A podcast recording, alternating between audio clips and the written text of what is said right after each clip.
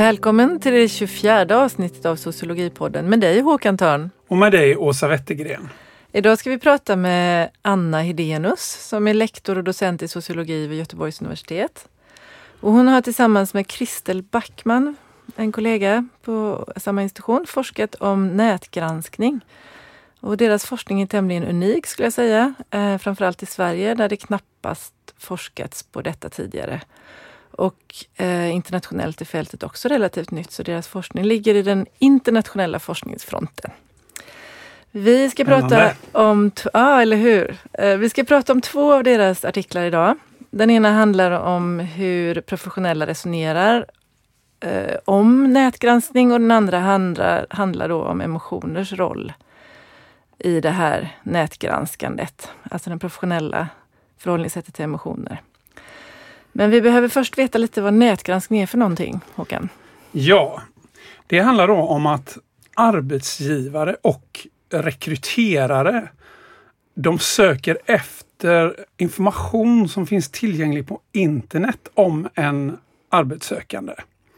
För att då alltså både hitta och värdera eh, kandidater till olika jobb. Och vad letar man då efter? Ja, exempel som man kan... Eller var letar man? Kan ja, jo, men det kan vara ju på sånt som Hitta, Ratsit, men också sån professionell eh, liksom, eh, eh, sida som LinkedIn, men även Facebook och Twitter. Och informationen man söker är då om det är en ja, pålitlig medarbetare? Eller? Alltså det är allt från, allt från några sådana basala saker som kompletterande adressuppgifter och inkomstuppgifter till eh, personens nätverk eh, och CV. Eh, och det kan ju vara då på sociala eh, medier som är riktade mot yrkeslivet som LinkedIn, men det kan också vara information på eh, sociala medier som handlar om fritidsintressen, vänner, familjerelationer och till och med politiska åsikter. Och eh, arbetsgivarna kan ju då använda det här för Alltså dels för att bekräfta information han redan har men också faktiskt för att få en känsla för en sökandes personlighet, värderingar, moral och också kreativitet och språklig förmåga. Och hur utbrett är detta då, fenomen? Eh, alltså enligt en större rapport som Anna Hedenius och Kristel Backman har skrivit då, och den heter Nätgranskning i samband med rekrytering. Hur vad och varför inom parentes inte? frågetecken. Enligt den rapporten, eh, där de också redovisar internationell forskning, eh, så, eh, så säger man att det saknas tillförlitliga studier kring hur vanligt förekommande nätgranskningar är vid rekrytering. Eh, det finns ett par svenska och amerikanska undersökningar som ger en fingervisning då ska man dock säga att de har eh, låga eh, svarsfrekvenser och det finns oklarheter i hur undersökningar har genomförts. Men i alla fall då, så, så enligt de här undersökningarna då, så uppgav något mer än en tredjedel av de tillfrågade arbetsgivarna att de har genomfört nätgranskning. Mm. Och undersökningar indikerar också att runt en femtedel av de svenska och cirka 35 procent av de amerikanska rekryterarna har sållat bort kandidater på grund av den information de hittat då på nätet. Okay. Eh, och i en studie, en svensk studie av Rosengren och Ottosson så uppgav faktiskt 45 procent av de tillfrågade då, eh, så, och då, då, då, pratar vi om folk som har sökt jobb. Alltså mm. 45 procent av dem uppgav att de anpassat sitt agerande på nätet med tanke på en eh, kunskap eller misstanke om att nuvarande eller kommande arbetsgivare kan tänkas och nätgranska dem. Så, att, okay. eh, så där har du de fakta som, som finns kan man mm. säga. Ganska eh. utbrett ändå, lite oklart. Ja hur, precis, det känns ju som att det faktiskt är en etablerad uh. praxis och att uh, Framförallt kanske att nätsök eller för att säga arbetssökande själva då uppfattar att det här skulle kunna vara en risk och att de anpassar sig efter det. Jo men precis. Mm. Uh, och det är självklart lockande för en arbetsgivare att göra det här. Alltså, och det finns ju få restriktioner kring detta. Mm. Kostnaderna är låga eller obefintliga. Eh, man kan hämta informationen utan att den sökande känner till det eller lämnat samtycke. Och utan, eh, utan att arbetsgivaren ens behöver informera mm. om vad man hittat. Och självklart så hittar man information eh, som den sökande kanske inte alls har avsett att dela med sig när hen söker ett jobb då. Alltså inklusive sånt som lagstiftningen faktiskt klassar som känsliga personuppgifter då, till exempel mm. politiska åsikter som jag nämnde då, eller sexuella preferenser eller fackligt engagemang. Mm. Men finns det ingen lagstiftning som reglerar det här menar du? Ja, alltså vad gäller sånt som räknas som känsliga personuppgifter, till exempel då sånt som har med sexualitet, hälsa, trostillhörighet, etnicitet och politiskt eller fackligt engagemang, så får ju detta då enligt EUs dataskyddsförordning inte behandlas utan samtycke. Och det överensstämmer också i stor utsträckning med den svenska diskrimineringslagen. Men det betyder då att sådana uppgifter inte får föras in i ett datorprogram eller webbaserat verktyg för rekrytering eller personalärenden. Då. Men det innebär att så länge man inte gör det, för in det i något program eller så, så kan man sitta med den här kunskapen och den kan få betydelse för, att, för en rekrytering. Ja. Det är alltså inte förbjudet att samla in den i princip, eller att ta reda på det helt enkelt. Nej, alltså just själva informationssamlandet verkar inte täckas av lagstiftningen om jag har förstått saken rätt då. Men jag tycker att det kanske är dags att bjuda in Anna nu så att hon får reda ut det här. Eh, välkommen Anna Hedenius. Tack. Eh, du har forskat om nätgranskningen tillsammans med Kristel Backman och de två artiklarna som vi har eh, läst, förutom den här rapporten då, som jag också nämnde, de heter då Uh, professional talk on cybervetting, accounting for a contested practice. Alltså på svenska ungefär professionellt tal om nätgranskning, en omstridd praktik.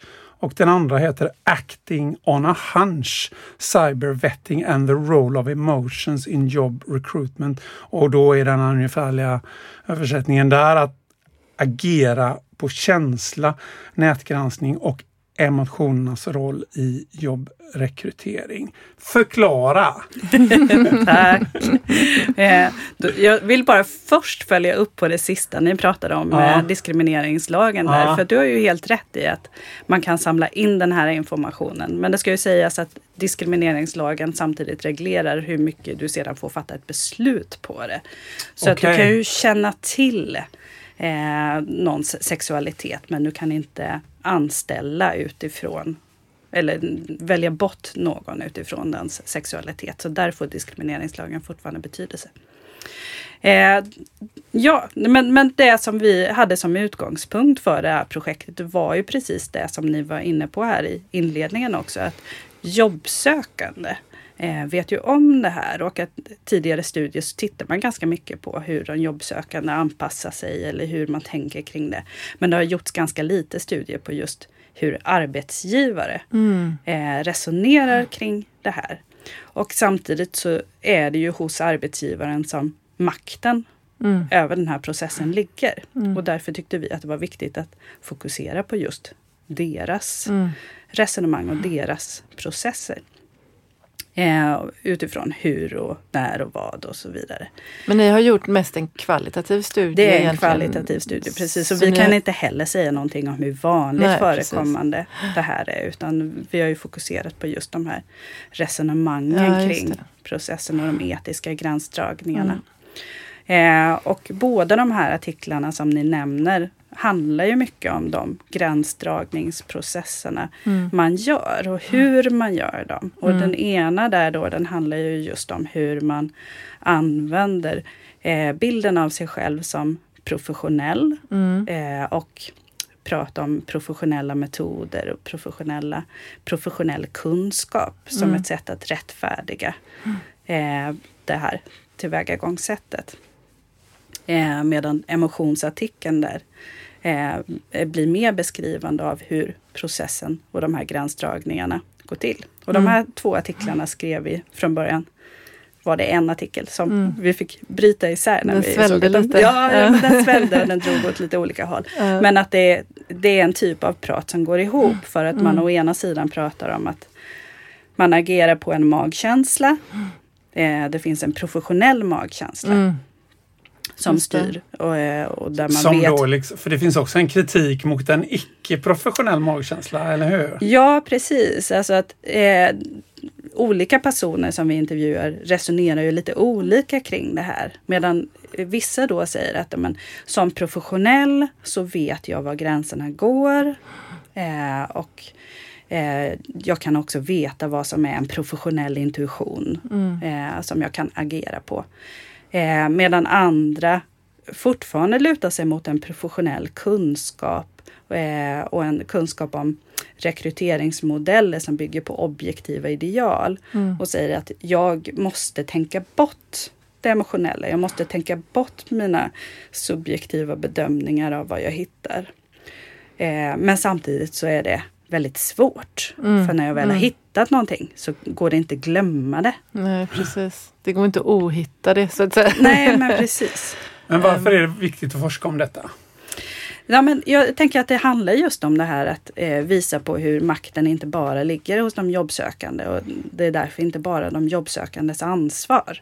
Utan det här är ett ansvar som ligger hos de arbetsgivare och rekryterare som väljer att använda sig av den här informationen. Så att lyfta den sidan av en, av en mm. debatt eller en diskussion om hur det, vi förhåller oss till all den här informationen som finns tillgänglig.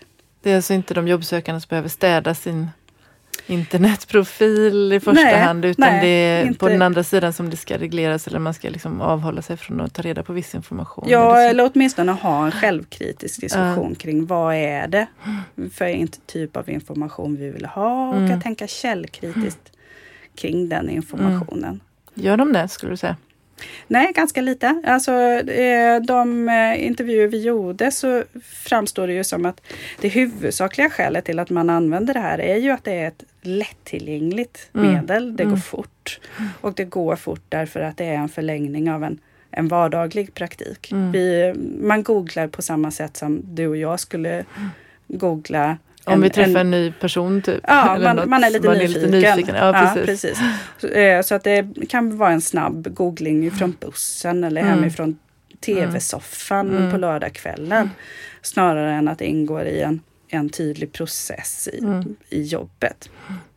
Eh, så där är det ju inte den källkritiska och systematiska processen som mm. det skulle vara. Och det vi försöker peka på är ju också att om man verkligen jobbar med det systematiskt och källkritiskt så blir det inte heller en lika snabb process. Så Nej, då faller lite grann det argumentet med att det är snabbt.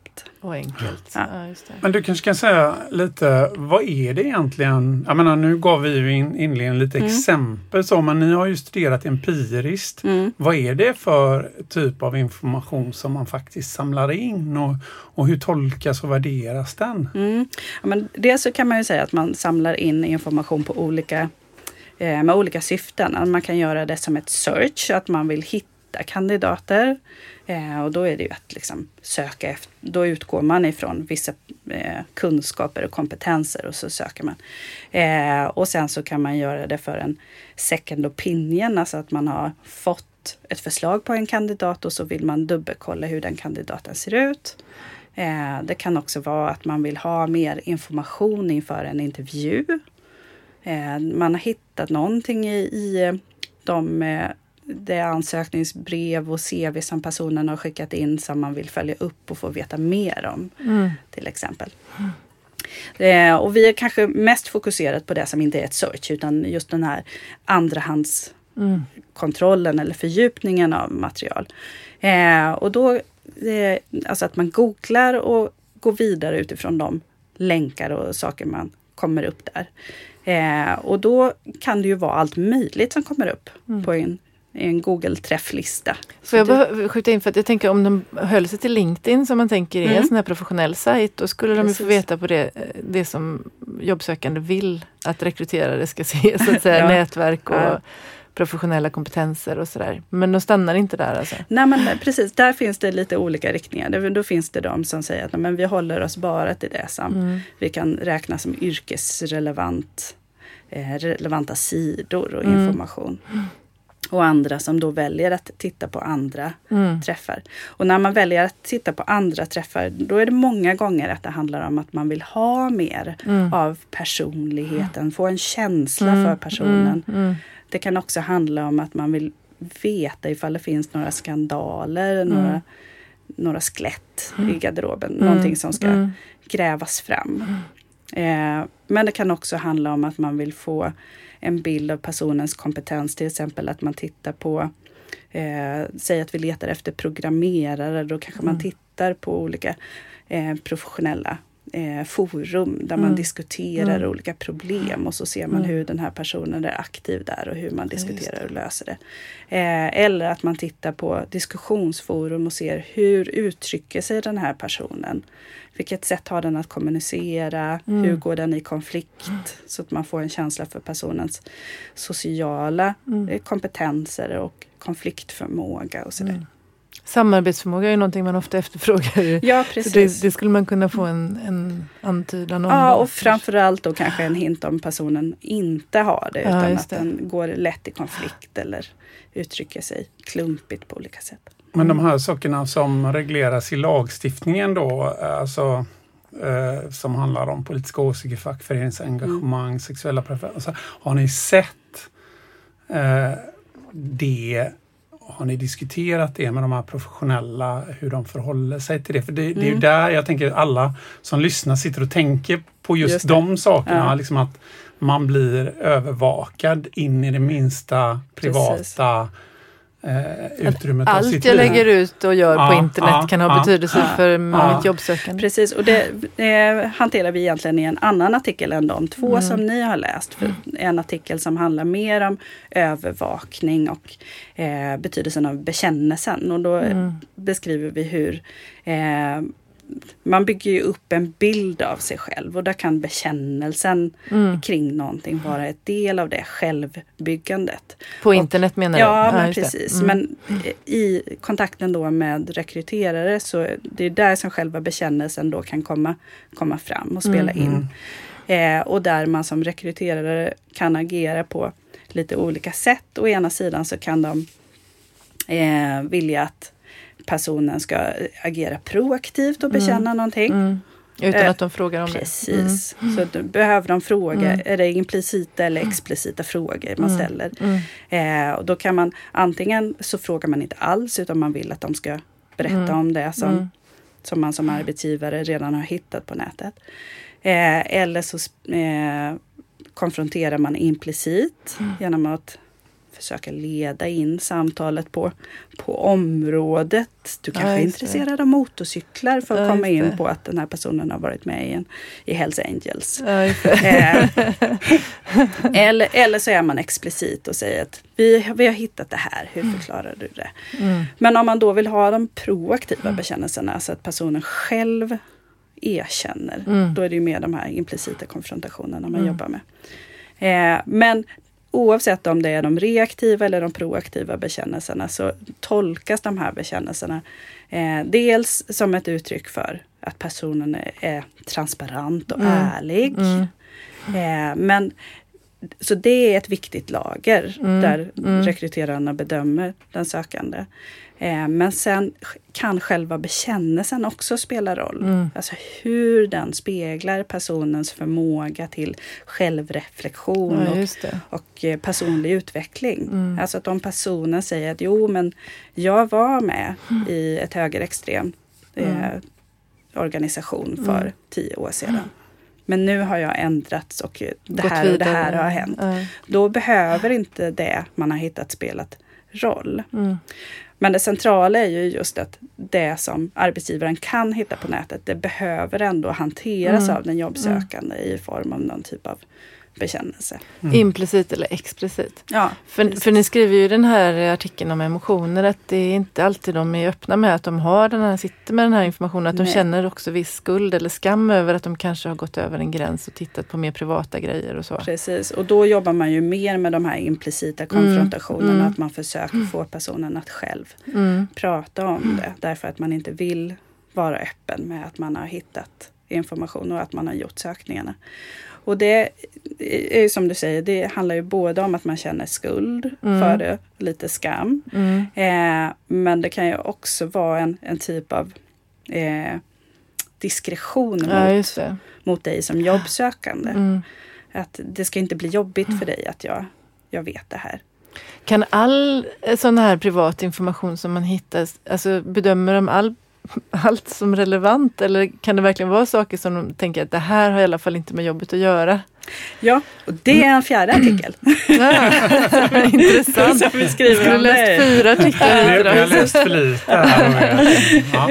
Men du får gärna berätta om ja, den också. Ja, men då är det en artikel som eh, vi just tittar på de här gränsdragningarna och då utgår vi ifrån det är en filosof och eh, organisationsforskare som heter eh, Helene Nissenbaum. Mm. Hon pratar om kontextuell integritet, alltså mm. att vår uppfattning om integritet och privacy är vi kan inte definiera det i sig utan det mm. bygger på olika normer. Och mm. då eh, pratar hon om normer kring eh, delning och spridning och mm. normer kring lämplighet. Mm. Vilken typ av information är lämpligt att dela i olika sammanhang. Eh, och då pekar vi i den artikeln på hur rekryterarna då jobbar med två olika eh, repertoarer eller sådär. Man har ena sidan eh, en repertoar kring att, tillgänglig information och en om relevant information. Mm. Eh, och då är just det här att man resonerar kring att all information som har delats är offentlig. Mm. och tillgänglig och därför kan jag som arbetsgivare använda den. Mm. Eh, så det blir ju det första. Men sen så kommer då den andra sättet att prata så, där man då gör den här distinktionen mellan men vad är relevant information? Mm, och då mm. kan man ju lyfta att men, Eh, vad den här personen har för barn. Det är ju inte relevant. Jag Ni nämnde inte... ett exempel om tandblekning i den här emotionsartikeln som jag tyckte var lite rolig. Som, ja. uh, till exempel, kanske inte så Nej, relevant. Det kanske inte är så relevant. eh, och där hade vi ju något exempel med någon uh. vi intervjuade som just var så stressad över att han hade sett en bild på en jobbsökande där han tyckte att det här var en alldeles för utlämnande bild. Mm, mm. Eh, lite för djup urringning. Ja. Och, eh, och där han önskade att han inte hade sett den här bilden för att han inte kunde tänka bort den. Ah, och då, okay. då har ju mm. han känslan av att men det här är inte relevant information. Mm. Det här är information jag borde tänka bort. Mm. Eh, och den typen av gränsdragningar mellan vad som är relevant och inte är relevant, det gör man. Eh, men det som är intressant då är att eh, om rekryterare bedömer eh, mycket privat information som relevant. Mm. Alltså att man eh, vill ha personer som passar in i organisationen. Mm, mm. Det handlar om personlighet som man söker.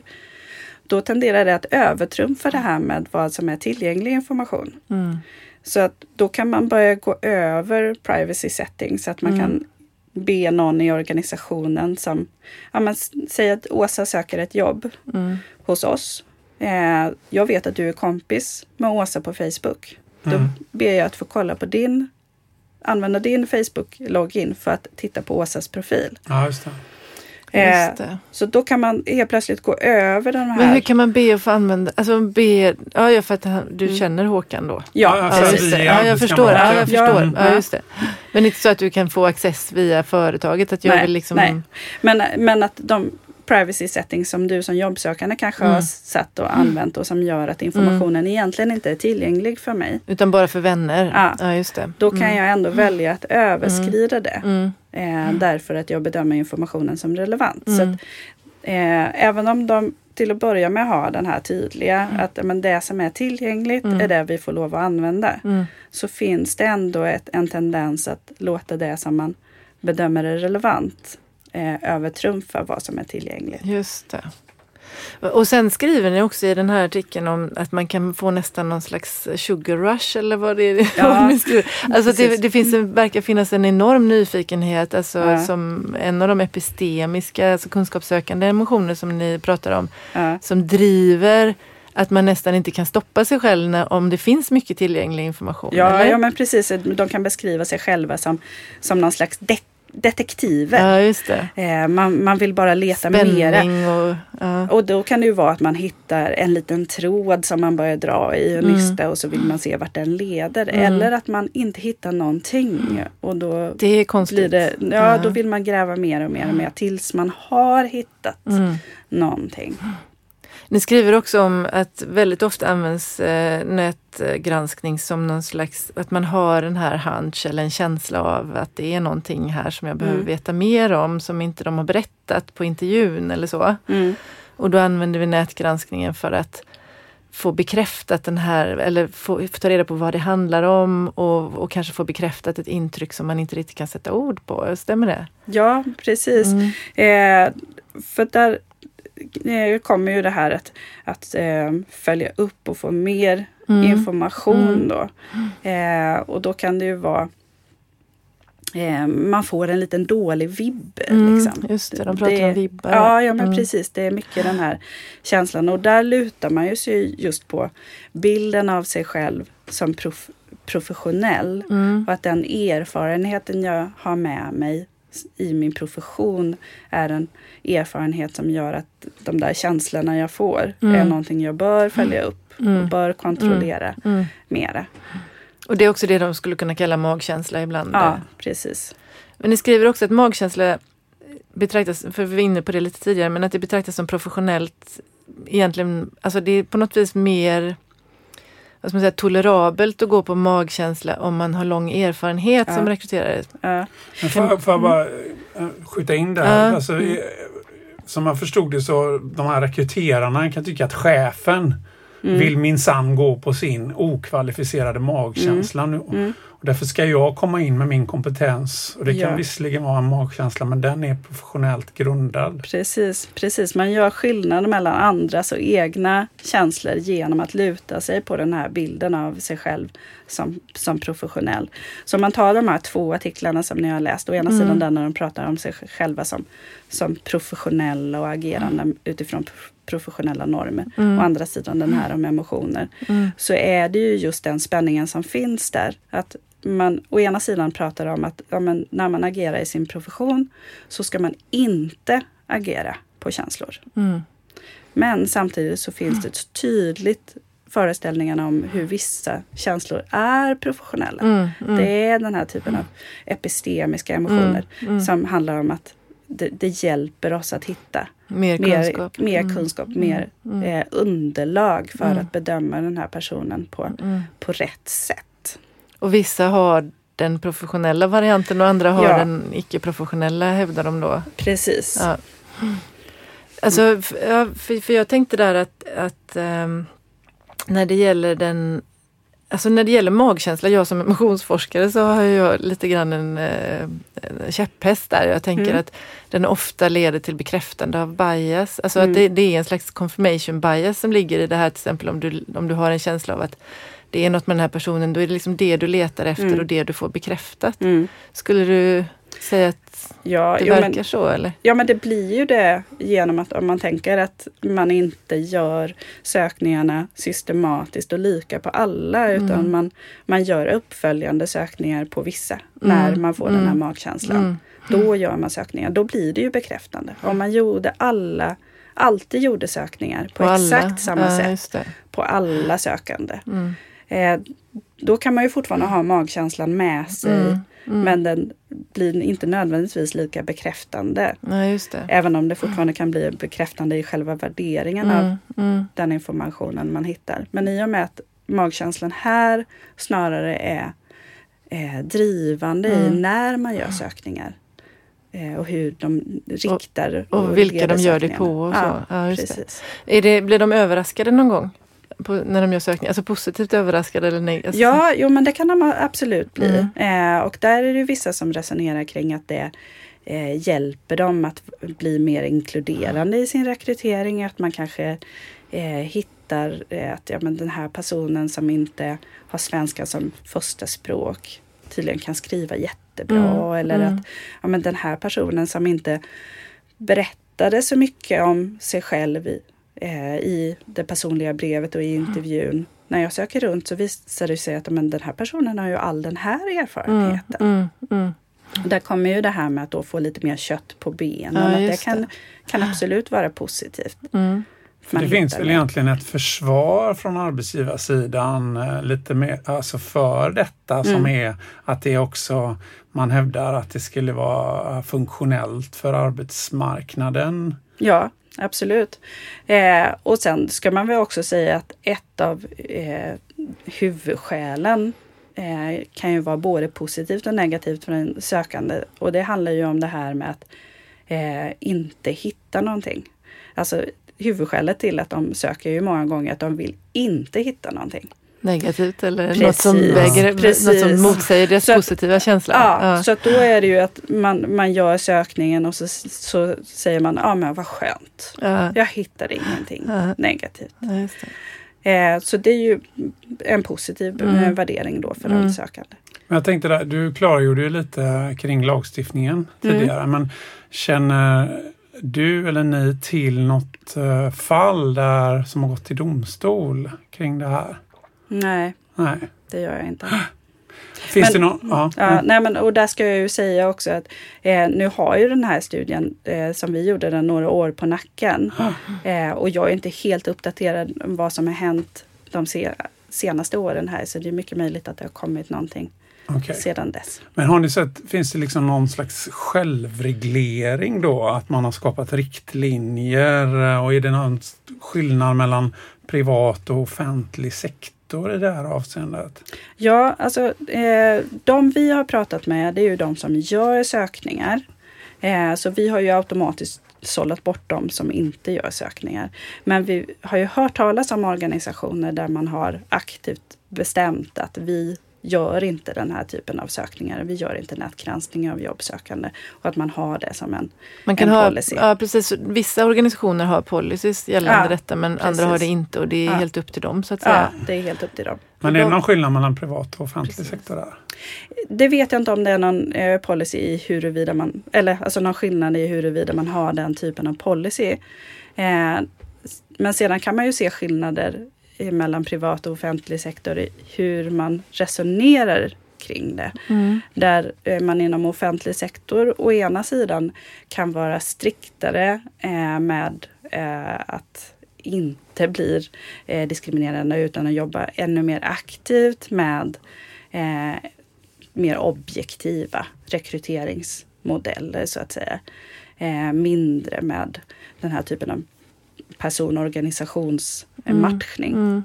Mm. Men å andra sidan så har man också inom offentlig sektor mer krav kring att personen inte ska utgöra en, en säkerhetsrisk, att det inte ska vara någon som eh, kan bli föremål för utpressning mm. om man mm. till exempel jobbar med försörjningsstöd eller mm. sådär. Just det. Har man också tänker på att, det, nu, det gäller väl snarare politiska befattningar och sådär, men just att det får inte finnas just ett skelett i garderoben som kan innebära ja. att hela organisationen får skämmas över att de har anställt Precis. den här personen. Mm. Precis, och där är det ju också skillnader förstås mm. utifrån vilken typ av jobb man söker och vilken position mm. man söker, mm. vilken typ av information som kan anses negativt. Mm. En person som söker en, en roll som eh, kommunikatör eller mm. marknads ansvarig, den ska ju ha en aktiv profil på mm. nätet. Mm, just det. Eh, medan någon som ska jobba som sekreterare i kommunen, den kan vara helt blank på, mm.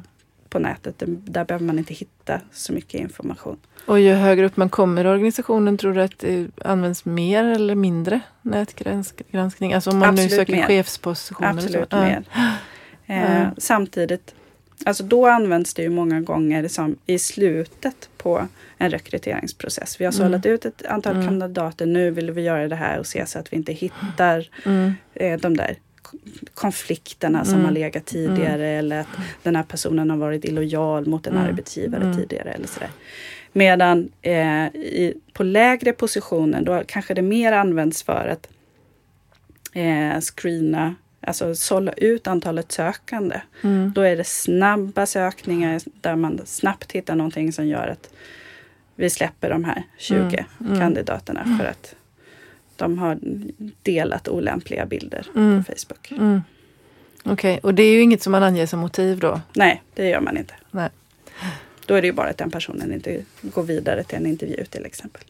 Ni pratar ju också om fingertoppskänsla. Kan du beskriva det? Jag tycker det är en jättefin känsla, en epistemisk känsla ja, eller vad man nu skulle kunna ja, kalla det. Epistemisk precis. Alltså, den ligger ju nära magkänslan. Mm, mm. Eh, åtminstone så här som jag tolkar mm. det då så ligger det ju nära magkänsla. Men det är ett begrepp som ganska typiskt svenskt säger jag och mm. tittar på emotionsforskaren mm. här.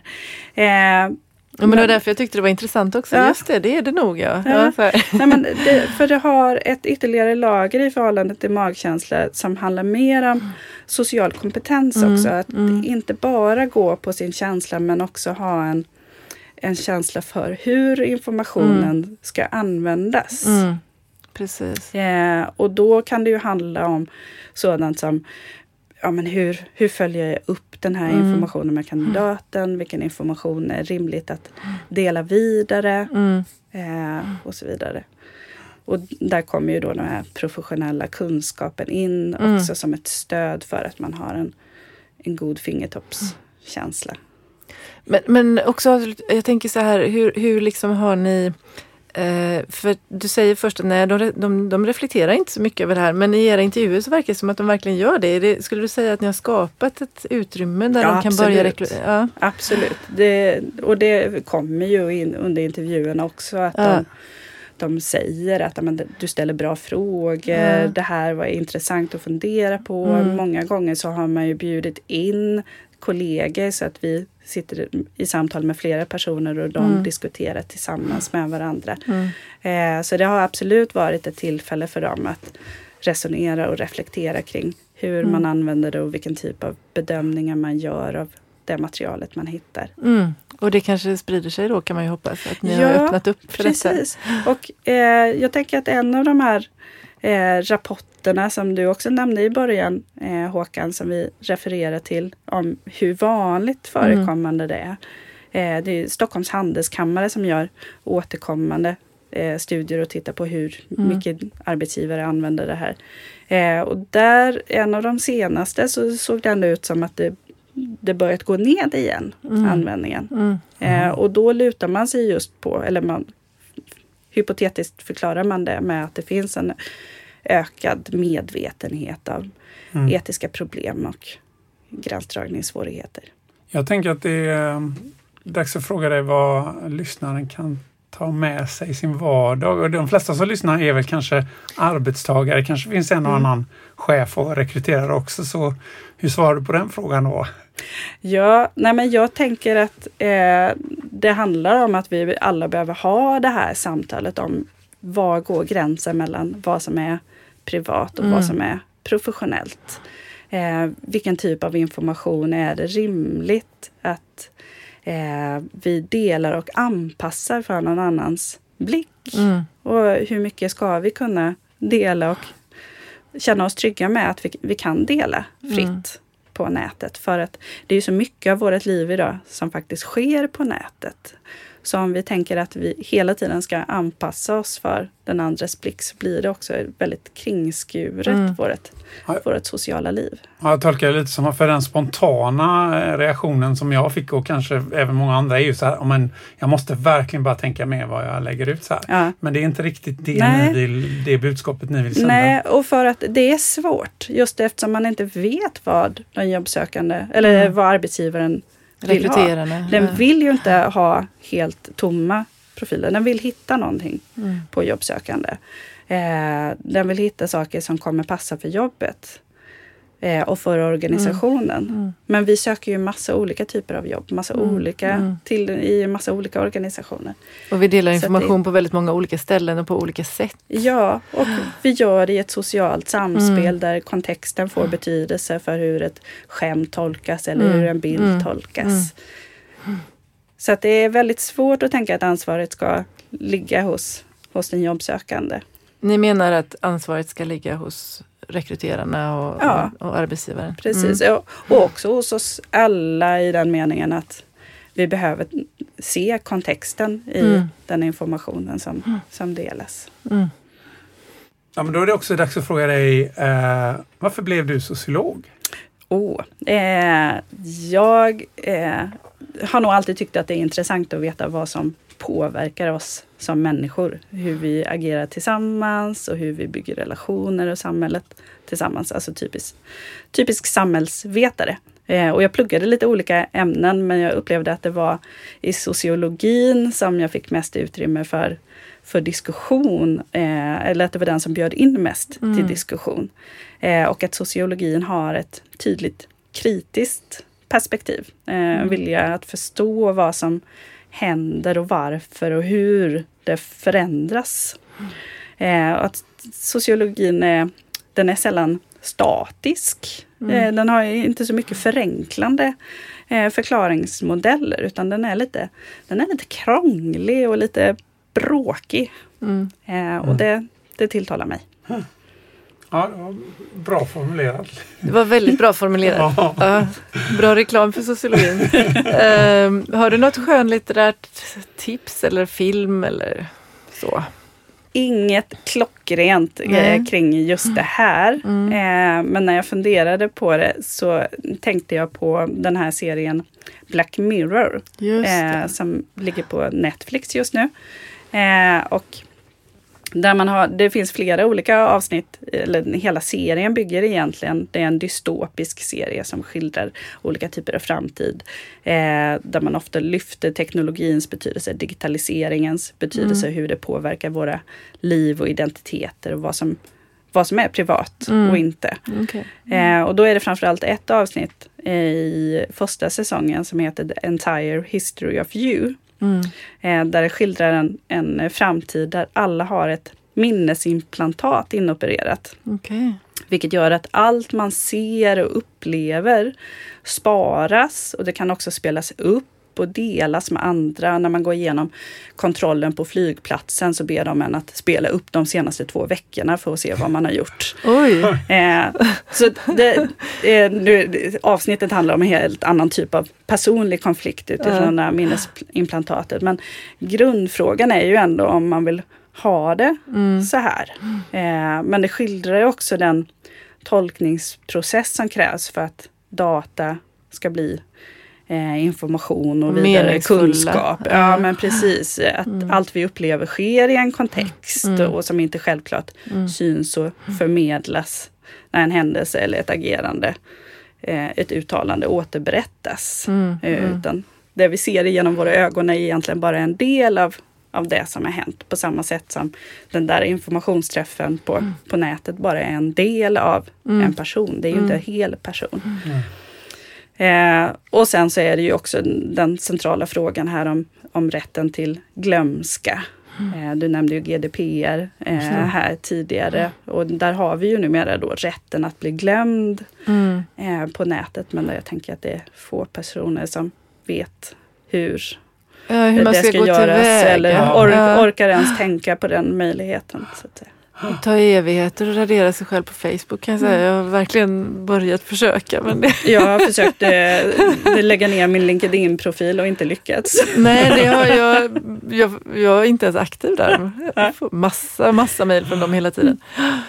Ja, men äh, jättebra tips alltså. Jag blir sugen på att se jag det avsnittet. Ja. Mm. Kolla hela serien är väldigt ja. kul. Ja, det låter som ett bra tips. Uh, men tack så mycket. Tack själva. Anna. Tack så jättemycket för att du kom. Mm. Hej då! Hej då! Hej då!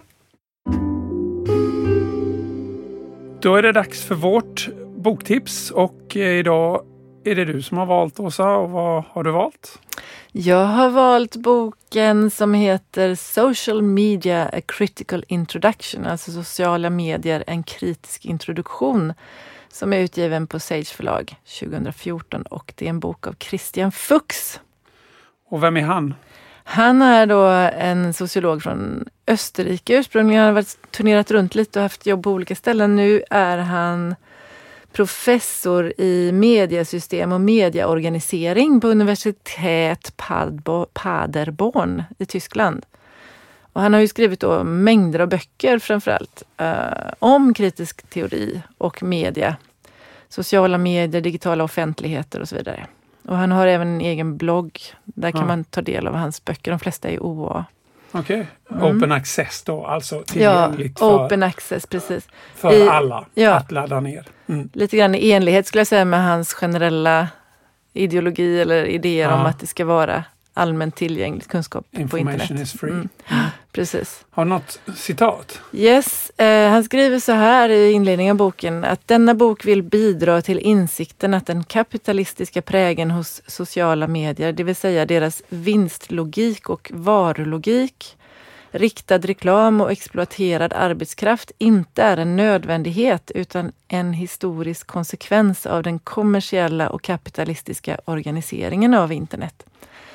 Att dekonstruera illusionen om nödvändigheten av vinstdrivna sociala medier bidrar till att skapa medvetenhet om och kamp för ett allmännyttigt och gemensamt internet. Ja, men det känns ju väldigt relevant. Även om boken faktiskt är tio år gammal så känns den ju som äh, verkligen äh, väldigt aktuell. Äh, ja, det skulle nog säga att den är det, det faktiskt. Alltså, även om man kan tänka att det har hänt mycket sedan han skrev den här boken och inte minst inom AI-branschen och sådär. Så logaritmerna, eller ja, de som liksom algoritmerna som liksom eh, som styr sökningar och hur vi får tillgänglig information och så vidare. Så, så, så tänker jag ändå att grundtesen håller faktiskt. Ja men precis, han verkar ja. diskut vilja diskutera grundförutsättningarna, mm, mm. de kommersiella precis. och ägandeformer och de har ju inte förändrats. Nej, det har de ju faktiskt inte. Snarare kanske det har blivit mer kommersiellt, eh, kommersiell logik. Och mer koncentrerat. Och riktad reklam och allt sånt där. Mm. Men man ska också säga att det är en lärobok, alltså en eh, bok riktad till grundstudenter. Så på det viset är den väldigt lättläst. Eh, och den summerar pedagogiskt och eh, ganska roligt upp eh, eller då, de här huvudpaketen som, han, som är hans teoretiska perspektiv, det vill säga kritisk teori och politisk ekonomi och då i grunden liksom marxistiska idéer eh, om eh, hur det skulle kunna vara istället för hur det, hur det är i det kapitalistiska samhället. Så att säga. Eh, och eh, han pratar också om det kapitalistiska samhället som bärare av grundläggande motsägelser och motsättningar som mm. då innebär både att de har frö till en annan möjlig värld men också liksom eh, frön till destruktion eller destruktiva mm. konfliktperspektiv. konfliktperspektiv. Precis. Um, och uh, han menar ju då att de här kapitalist, alltså marxistisk teori eller, eller vad ska man säga, kritisk teori som man då ofta kallar det också, kompletteras med eh, politisk ekonomi och på det sättet så får man en bra förståelse av internet och sociala medier, hur det fungerar idag. Mm. Vad, ja, och grundläggande menar han då, som ofta glöms bort när man inte har ett kritiskt teoretiskt perspektiv, det är alltså frågor om makt, ojämlikhet och rätt mm. och orättvisa. Och vad, och, och, vad skulle man säga, vad, är sociala medier då utifrån ett sådant perspektiv? Ja, han pratar ju om flera olika perspektiv. Då. Han säger att eh, eh, det kan vara sociala medier för att man kan kalla allt socialt som egentligen är skapat av människor. Så, att säga. så därför är det social, en sociala medier, för det är skapat av oss människor. Um, men sen kan man också tänka sig att man snävar in det här lite och säger att eh, teknologi eller digital teknologi som tillåter interaktioner mellan människor, alltså att människor pratar med varandra och kommunicerar med varandra, eller bildar grupper eller samarbetar samtidigt som när man skriver på en Google Docs-dokument sådär. Ja. Att det är socialt. Eh, men han menar ju att alla förståelsen av social är ju relevanta för analys av sociala medier. Men att man också bör ha klart för sig vilken form av socialitet man pratar om. Men skiljer han då på social interaktion i det virtuella och IRL som man säger, in real life? Ja, han pratar till exempel också om perspektiv, alltså de här idéerna att sociala medier kan förändra världen. Att den digitala världen kan förändra världen på grund av hur snabbt information sprids och så. Han tar ju upp exempel som den arabiska våren och så. Um, men han menar också att liksom det, det, är inte på nätet som världen förändras utan det är det verkliga rummet. Eh, och det är där som vi måste liksom lägga krafterna så att vi kan inte göra en revolution bara på nätet så att säga. Men, då, men jag skulle ändå vilja invända lite där för att jag tänker så här att när internet kom på bred front där så här runt alltså på 90-talet mm. så var det ju, fanns det ju de som sa att nu är det slut på eh, politiska demonstrationer på gatorna. För nu kommer all mobilisering att ske på nätet. Men vad som sen hände var ju att med hjälp av nätmobilisering mm. så har vi sett de största demonstrationerna mm.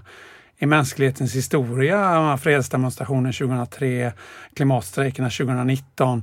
Eh, så, Alltså som, som inte hade varit möjliga utan eh, mobilisering Snab via Nej men precis, eh, mobilisering går ju mycket snabbare. Ja. Men det är ändå i det fysiska rummet som mobiliseringen måste, alltså som de, folk faktiskt måste visa sig så att säga. Ja. Han, han, pratar, han ger exempel som det som kallas för slaktivism, när man sitter och gillar olika inlägg om demonstrationen i, mot klimatet eller, eller, eller skriver under protestlistor och sådär men inte liksom är med i det fysiska rummet direkt. Så, så det han vänder sig till, eh, mot egentligen är den aktivismen som stannar på nätet? Ja, precis. Mm. Den, den, den ger han kanske inte så mycket för. Men um, ja, och sen är det väl liksom också så såklart att det finns en, eh, det säger ju de här aktivisterna som han också bland annat eh, refererar till studier som, och intervjuer med att eh, att det också, ger ju också möjlighet till övervakning. Alltså, folk kan ju se när det troligtvis kommer att komma en, en, en stor demonstration då, på grund av den här mobiliseringen på nätet. Mm, mm. Mm. Och sen ska man inte glömma att metoo som såklart var jätte, jätte stor när det gäller just ja. mobilisering på nätet och, och, och, social förändring faktiskt. Ja, men precis. Över hela det är ytterligare ett viktigt exempel mm. ändå.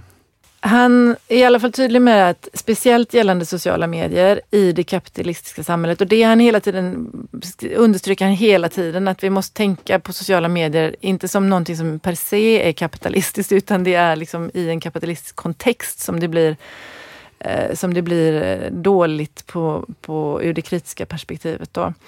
Eh, men det är alltså de viktiga frågorna här är då, vem äger plattformarna och vilka har makt över kommunikationen och vem får ta del av alla pengar som hovas in på att paketera och sälja den informationen. Och så, såklart också hur detta görs. Och han tar upp ett intressant exempel tycker jag som jag inte kände till faktiskt. För jag, var inte så, jag är ingen bra nätmänniska egentligen tror jag. Jag är inte så aktiv där. Men, men eh, det, han nämner det i Huffington Post som startades av en kvinna vid namn Arianna Huffington 2005. Och det blev snabbt en av världens mest populära nyhetsbloggar. Och de här bloggposterna bestod av frivilliga bidrag från ideella bloggare. Men 2011 så sålde hon då här, den här plattformen till en annan online nyhetssajt som heter AOL för 315 miljoner dollar. Mm. Ja, och det är det som tycks hända hela mm. tiden mm. när det mm. kommer alternativ. Och jag, och jag tänker också faktiskt ofta på detta för att jag, alltså just i den här inledande fasen runt millennieskiftet så fanns det till exempel något som hette Indie Media som mm. var en alternativ plattform som drevs av aktivister då. Mm. Eh, men det där tycks ju ha försvunnit. Idag använder sig alltså de flesta rörelser som kan vara samhällskritiska och kritiska mot kapitalismen fortfarande av typ eh, Youtube då som ju ägs av Google. Så det känns mm. som att motståndet är idag totalt beroende mm. av plattformarna som ägs av de här stora mm. mm. kommersiella företagen. Absolut och jag ska prata lite mer om vad han skriver om det men eh, den, det jag vill säga är väl också att, att den här att man får lite grann en insikt eller, av att läsa den här boken om hur vana vi har blivit vid att allt vi gör på internet bidrar till privata företags vinning. Alltså vi ser det som ganska självklart, ja. eller vi blir inte förvånade av det. Alltså vi ser det som man kallar för slavarbete, så från det perspektivet blir det så här, hmm. alltså, um, och det, och det är ju inte, det finns ju visserligen försök att komma åt det här då, men bara det att vi inte själva äger informationen som vi till exempel lägger upp eh, på Facebook. Eh, och vi tycker att det är liksom en del av dealen att vi får våra sociala medier och vår social, vårt sociala liv gratis, citat, liksom, när vi sitter hemma och har tråkigt. Och de tjänar massa pengar. Det är win-win ungefär så. Mm. Um, ja, så det, det, tycker jag är lite, lite ja, tänkvärt faktiskt. Och att från början var ju internet, precis som du nämnde här, en, en allmänning och en common good som visserligen var mest tillgänglig för tekniskt kunniga då, alltså, men ändå. Och så la man upp eh, information gratis och, och liksom människor kommunicerade och så. Sen kom de här företagen som Google och Facebook och såg den ekonomiska vinningen i att behandla det här som en råvara. Alltså som man kunde, en råvaruresurs liksom för ekonomisk vinning. Just det. Och idag så dominerar de profitdrivna internetföretagen allt vi gör på nätet. Ja. Så det är ju liksom också det, när han skriver han tar ju upp i elva kapitel så tar han upp med instuderingsfrågor, ska jag säga, som väldigt pedagogiska kapitel så de är lätta att använda i undervisning. Um, så tar han upp då olika aspekter på sociala medier.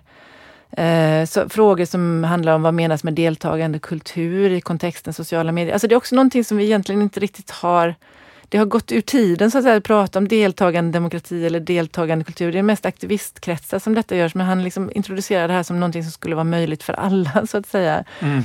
Eh, begrepp som makt över kommunikation som jag nämnde och masskommunikation, sociala medier som affärsidé. Och så tittar han då specifikt på företag som Google, Facebook, Twitter, Wikileaks och Wikipedia. Och avslutningsvis så diskuterar han hur sociala medier kan bidra till en rättvisare värld. Och det, och det är intressant då för att när den här boken eh, publicerades så det var ju ändå en tidpunkt, det var arabiska våren hade just skett och det var ju de här, det, alltså Occupy, det diskuterades mm, ju mycket mm, kring... Han pratar mycket om Occupy-rörelsen. Ja, direktdemokrati mm, och man kan mm. utveckla men nu känns det ju som tio år senare så känns det ju som att det har gått åt eh, liksom helt fel helt håll. andra ja. hållet utan nu bidrar sociala medier framförallt i en mer rasistisk och hatfull men också kanske mm. individualistisk värld. Ja, precis. Um, och det pratar han inte så mycket om skulle jag säga. Eh, det, det, gör han säkert i andra böcker efterföljande men det pratar han inte så mycket om där. Men han pratar om hur Google eh, använder sig av algoritmer som ordnar svaren på sökningar efter popularitet och antal klickningar och datamining och datascraping och sådär som, som ordnade informationen så de kunde paketera och sälja den till företag som ville göra reklam. Och också hur de anordnar auktioner där företag får buda på vilken plats de ska ha på listan när folk söker. Um, och dessutom så pratar han om Google som analog, alltså IRL arbetsplats plats. De, som ett monster som tar upp all tid för medarbetarna. De satsar på att medarbetarna ska trivas så bra på jobbet så att de blundar för den obetalda arbetstiden och arbetar långt mer än sina lagstadgade arbetstimmar. Det är alltså passionerat eh, arbetande för Google. Men det, det känns ju också som en, eh, där de, att de är liksom sådär eh, spjutspets i det här flexibla arbetslivet. Precis. Att det sker ju överallt. Och han pratar om njutning som, och, och pleasure i arbetet som en viktig ingrediens då för att för de har dessutom 20 procent av sin tid får de lov, i alla fall de som sysslar med utveckling av idéer och nya tekniker och så.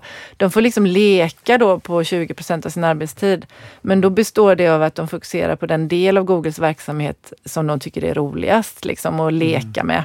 Och när kreativiteten får flöda och resultera i nya bra idéer så tar Google den idén och, och kapitaliserar på den då.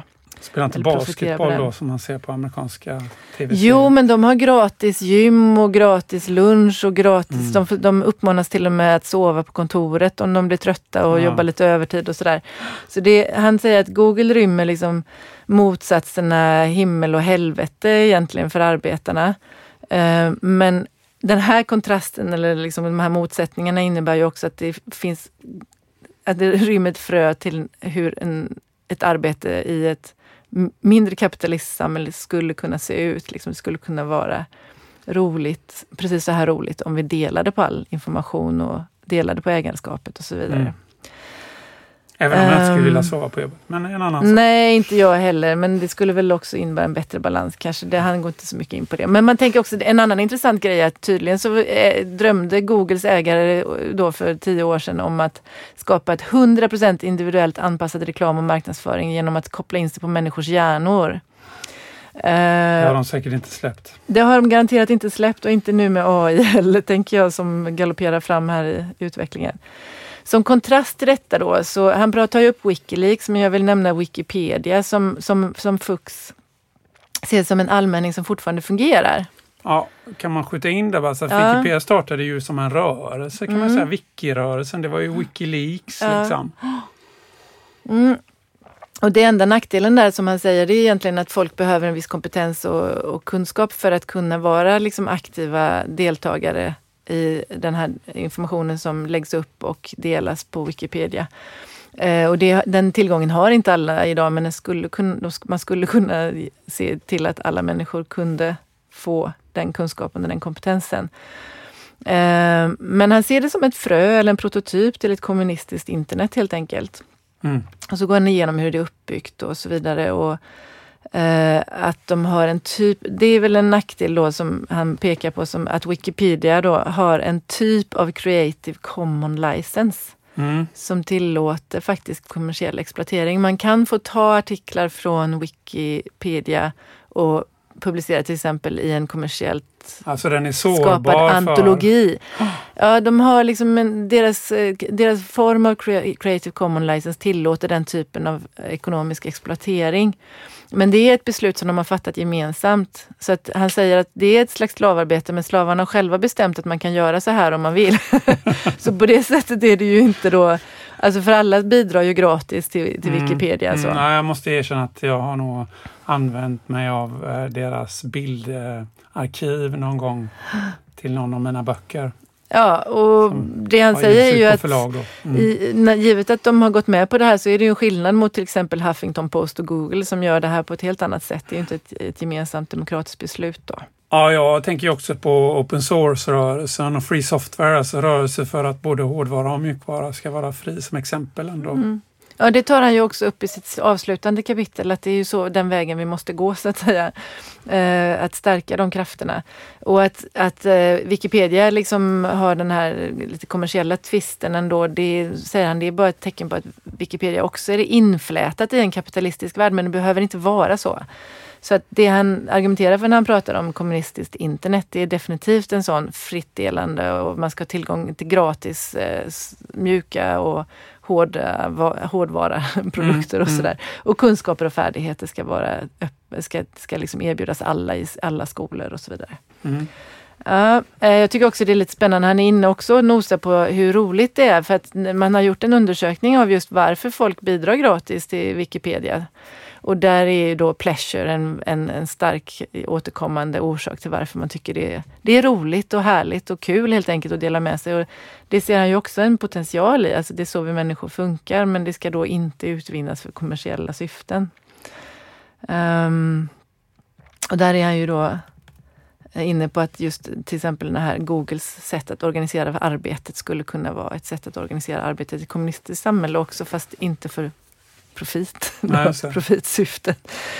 Eh, men så grundbudskapet i, i, boken ska man säga, det är viktigt att förstå att internet och sociala medier, precis som det analoga samhälle vi lever i, är formade av en historiskt specifik ideologisk kontext, det vill säga kapitalismen. Mm.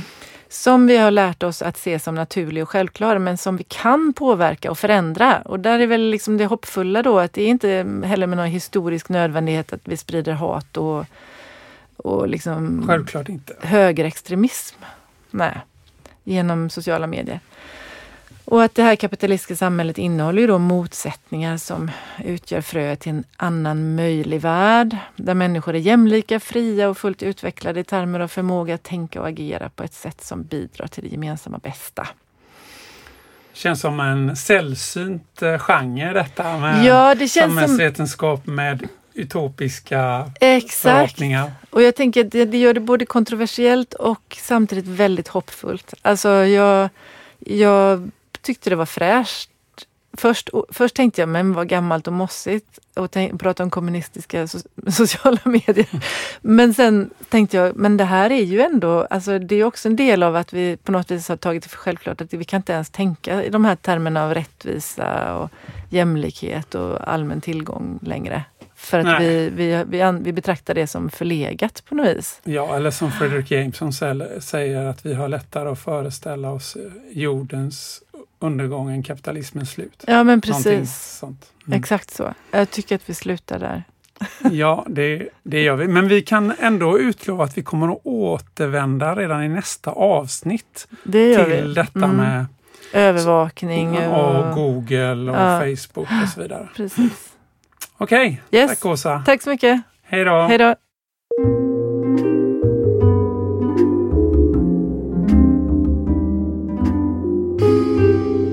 Den här podden finansieras med stöd av Adolf Bratts föreläsningsfond och av Institutionen för sociologi och arbetsvetenskap vid Göteborgs universitet.